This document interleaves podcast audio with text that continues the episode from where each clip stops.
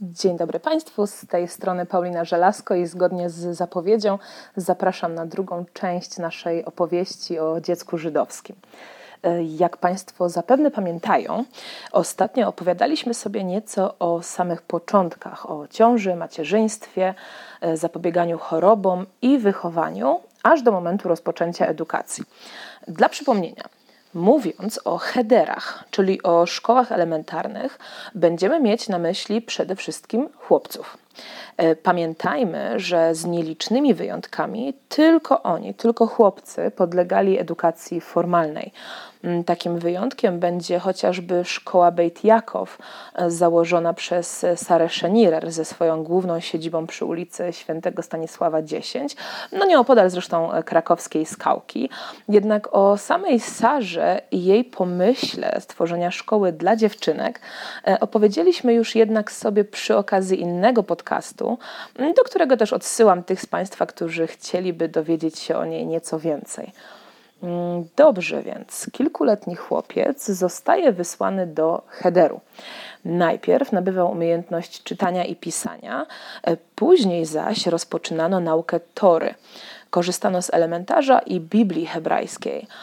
Pamiętajmy jednak, że książki były wówczas bardzo drogie, a zatem no, co biedniejsi korzystali z nich e, wspólnie. Mm, Alan Unterman przytacza przykład dzieci, które potrafiły czytać hebrajski tekst, ale wyłącznie do góry nogami. E, zawsze siedziały bowiem od drugiej strony stołu.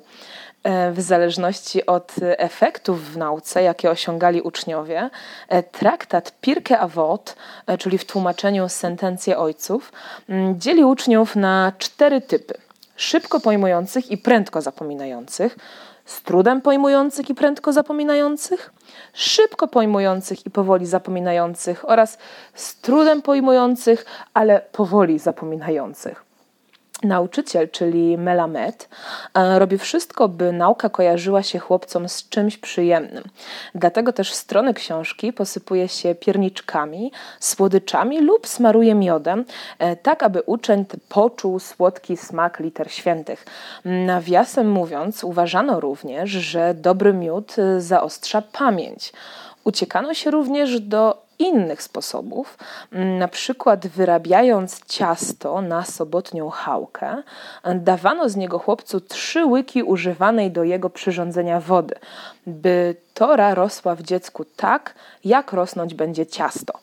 E, uważano również, by podczas takiego wieczornego rozbierania się e, chłopiec zdejmował ubrania pojedynczo, e, w przeciwnym razie mógłby mieć bowiem ciężką pamięć. No i zabraniano tymże chłopcom zabawy z kotami, bo to mogłoby takiemu nieszczęsnemu uczniowi przydać kociego łba, czyli zrobić z niego osobę, która ma problemy z zapamiętywaniem. E, nauczyciel, podobnie jak wcześniej rodzice, no, nie szczędził chłopcom kar. E, wśród nich znana nam już Regina Lilientalowa wymienia kary takie jak rondel, tłumok i stanie w kącie z miotłą w ręku. Rondel miał polegać na założeniu chłopcu no, rondla na głowę, spuszczeniu spodni i klapsach.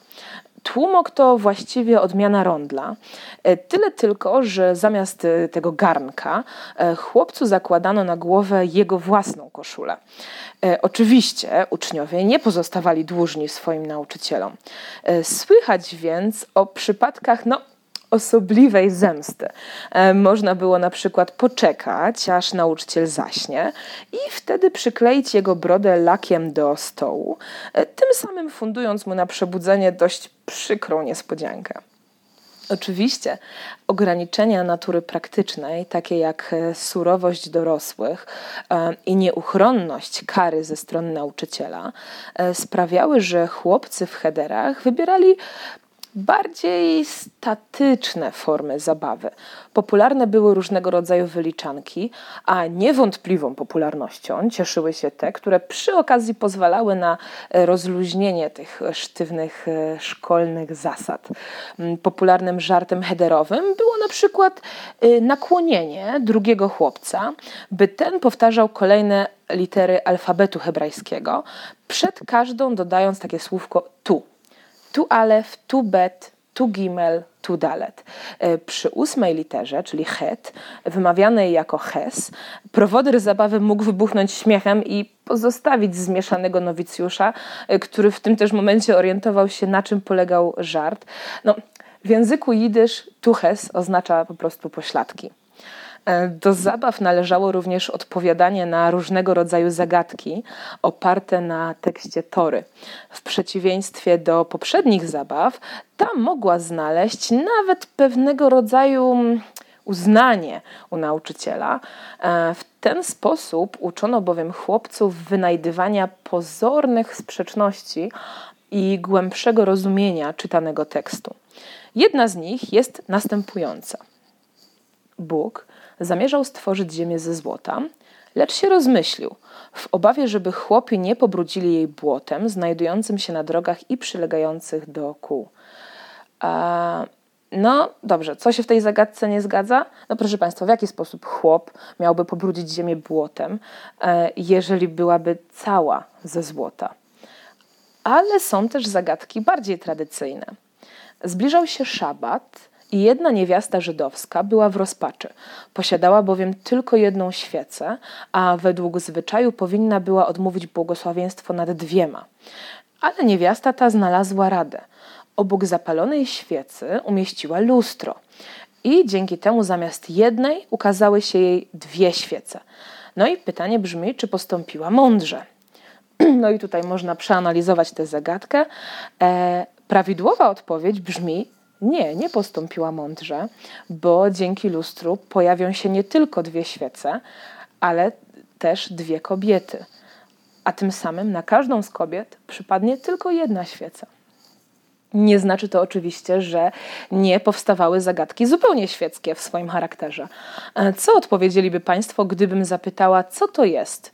Dwa napoje znajdują się w jednej beczułce i nie mieszają się. Albo biały mur i żółty mur. Aby dotrzeć do żółtego, musi się rozbić biały. No, odpowiedź na jedno i drugie pytanie brzmi jajko. E, wiele zabaw jest również powiązanych z żydowskimi świętami. Na przykład w Pesach popularna była zabawa w orzechy, która też miała wiele odmian. Jedna z nich, zwana Mame Zun, czyli tata, mama i syn, polegała na podrzucaniu dwóch pustych łupin orzecha laskowego. Jeśli obie te połówki upadną zagłębieniem do dołu, daje to efekt tate, czyli rzucający wygrywa 30 orzechów. Jeżeli połówki upadną z zagłębieniem do, do góry, to daje to mamę. A rzucający wygrywa, ale już tylko 20 orzechów. A z kolei wynik, w którym każdy orzech upadnie inaczej, czyli jedna połówka do góry, druga połówka na dół, daje rzucającemu tylko 10 orzechów. Oczywiście wygrywa ten, kto zgromadzi tych orzechów najwięcej. E, w święto Hanuki szczególnie popularna była zabawa dreidlem, rodzajem takiego małego bączka z wypisanymi na ścianach hebrajskimi literami nun, gimel, hej i shin. Od Nesgadol Hayasham, czyli tam wydarzył się wielki cud. E, w zależności od tego, jak zakręci się dreidlem i w jaki sposób upadnie, można albo zyskać, albo stracić słodycze. Z kolei w święto Purim, upamiętniające uratowanie Żydów od spisku Hamana, urzędnika perskiego króla Ahasferosza, e, szczególnie popularne jest e, dudnienie kołatkami. Tradycja nakazuje bowiem, by podczas czytania zwoju Estery za każdym razem, gdy padnie imię Hamana bądź któregoś z członków jego rodziny, zagłuszać te imiona, e, tworząc tyle hałasu, ile się da, czyli no, na przykład dudnić właśnie tymi kołatkami. Nic więc dziwnego, że znużone nieco tą nauką i przesiadywaniem w szkole e, dzieci o wyjątkowo gorliwie wypełniały ten nakaz. No i tym razem wyjątkowo nie narażając się na gniew e, dorosłych. Gdybyśmy jednak chcieli sobie odpowiedzieć na pytanie, e, co szczególnie zajmowało dzieciaki z żydowskiego Kazimierza i na co poświęcały swój wolny czas nieco mniej niż 100 lat temu, odpowiedź wcale nie odbiegałaby bardzo od tego, czym obecnie zajmują się ich rówieśnicy. No, proszę Państwa, co może wzbudzać więcej emocji niż piłka nożna? Nie wchodząc bowiem w relacje między obecnymi krakowskimi klubami piłkarskimi, e, warto nadmienić, że Krakowia jest najstarszą istniejącą do dzisiaj drużyną piłkarską w Polsce. Mm, jak można przeczytać, początki piłki nożnej w Krakowie to ogromne emocje. To są czasy grania w czapkach na głowie, e, brak sędziego na boisku, ale też niechęć do murawy, do tej trawy, która mm, porasta właśnie to boisko. E, dość zresztą powiedzieć, że gdy po raz pierwszy na krakowskich błoniach pojawili się gracze w strojach bezwstydnie odsłaniających łydki i kolana, wzbudziło to wiele kontrowersji. Jakiś czas temu miałam e, ogromną przyjemność poprowadzić spacer o żydowskim sporcie w Krakowie. Jednym z miejsc, które odwiedziliśmy w trasie, był mural przy placu Bawu 3, no nieopodal synagogi starej przy ulicy Szerokiej. Został stworzony przez kolektyw Broken Fingers e, z Haify dla Festiwalu Kultury Żydowskiej w 2014 roku. Miejsce stworzenia tego muralu nie jest przypadkowe. Powstał on bowiem na kamienicy wybudowanej przez żydowską rodzinę Bosaków e, przez lata związaną z Kazimierzem. Jej potomkowie obecnie mieszkają w Izraelu. Zachowały się jednak świadectwa Józefa Bosaka, e, który w takim wywiadzie przytoczonym przez e, panią Bognę Wilczyńską w jej artykule opowiadał o emocjach związanych właśnie ze sportem. Jak wspomina zresztą Józef Bosak, w piłkę graliśmy prawie codziennie. Może do wieku 12, może 14 lat. Nasza część ulicy to był klub, który nazwaliśmy Wiktoria. Graliśmy z innymi ulicami, które też miały swoje kluby. Oprócz nas drużynę miała Brzozowa, Bereka Joselewicza i Miodowa. Bosak e, opisuje między innymi podwórko przy ulicy Sebastiana 32. Takie nieduże, e, z czterech stron otoczone niskimi murkami i ścianami kamienic. E, w okresie święta szałasów na tymże podwórku znajdowały się tak zwane kuczki, czyli właśnie szałasy stawiane na pamiątkę ucieczki Żydów z niewoli egipskiej, ale przez większą część roku ten kawałek zarośniętej trawą przestrzeni wystarczał, E, by rozgrywać e, wewnątrzklubowe mecze. E, piłkarskie zastosowanie tego podwórka podkreślał widniejący na murze napis Wiktoria poza grą w piłką. Chłopcy byli również fanami lokalnych drużyn piłkarskich. W tym czasie w Krakowie funkcjonowały dwie drużyny żydowskie. Maccabi, których stadion znajdował się pod Wawelem, obecnie mieści się tam klub sportowy Nadwiślan i Jutrzenka związana z Krakowią. Początkowo żydowskie drużyny miały pewne problemy ze znalezieniem odpowiedniego zaplecza logistycznego. Dlatego na przykład e, wspomniana przez nas Jutrzenka e, korzystała z szatni użyczonej przez Krakowie. Oj, mecze budziły bardzo dużo emocji. E, jak dalej w tymże wywiadzie wspomina Józef Bosak. Chodziliśmy na mecz. Najpierw na Olsze żeby coś zobaczyć, siedzieliśmy na wałach. Nie było żadnego problemu, by mecz obejrzeć za darmo. Co do Maccabi, to był taki drewniany parkan. E, wydłubywaliśmy kozikiem dziurę na mniej więcej 2 centymetry i tak się oglądało. Na Wisłę chodziliśmy latem. Dookoła stadionu rosły drzewa, na które się wspinaliśmy. Byliśmy wtedy pędrakami, więc nieraz się zdarzało, że przyszedł ktoś silniejszy i nas z tych dobrych miejsc zrzucał a na Krakowie niczego nie dało się wykombinować, więc gdy przychodził ktoś dorosły, to się prosiło: Panie, weź mnie. To byli często murarze, którzy przychodzili na stadion po niedzielnej modlitwie. Oni do bileciarza mrugali i mówili z uśmiechem: To mój syn. Jak tylko przeszliśmy przez bramę, to prędko biegliśmy zająć miejsce na górze stadionu. E, choć te przytoczone przeze mnie historie um, łączą się przede wszystkim z przedwojennym Kazimierzem, no, nie mogę powstrzymać się, żeby nie przypomnieć takiej anegdoty przytoczonej przez Łukasza Orbitowskiego, czyli pisarza, który spędził dzieciństwo, dzieciństwo właśnie w tej dzielnicy, na Kazimierzu. E, kilka lat temu dla Festiwalu Kultury Żydowskiej prowadził on zresztą taki spacer połączony z wykładem, e, w którym pokazywał miejsca związane z tą jego własną historią.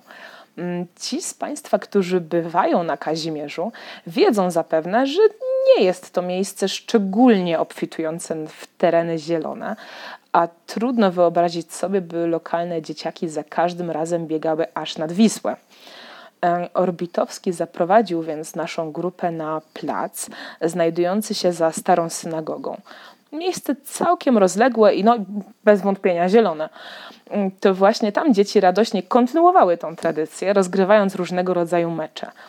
Co ciekawe, ich największym wrogiem wcale nie były przeciwne drużyny piłkarskie, ale właściciele psów, którzy wraz ze swoimi czworonogami również wyjątkowo upatrzyli sobie właśnie to miejsce.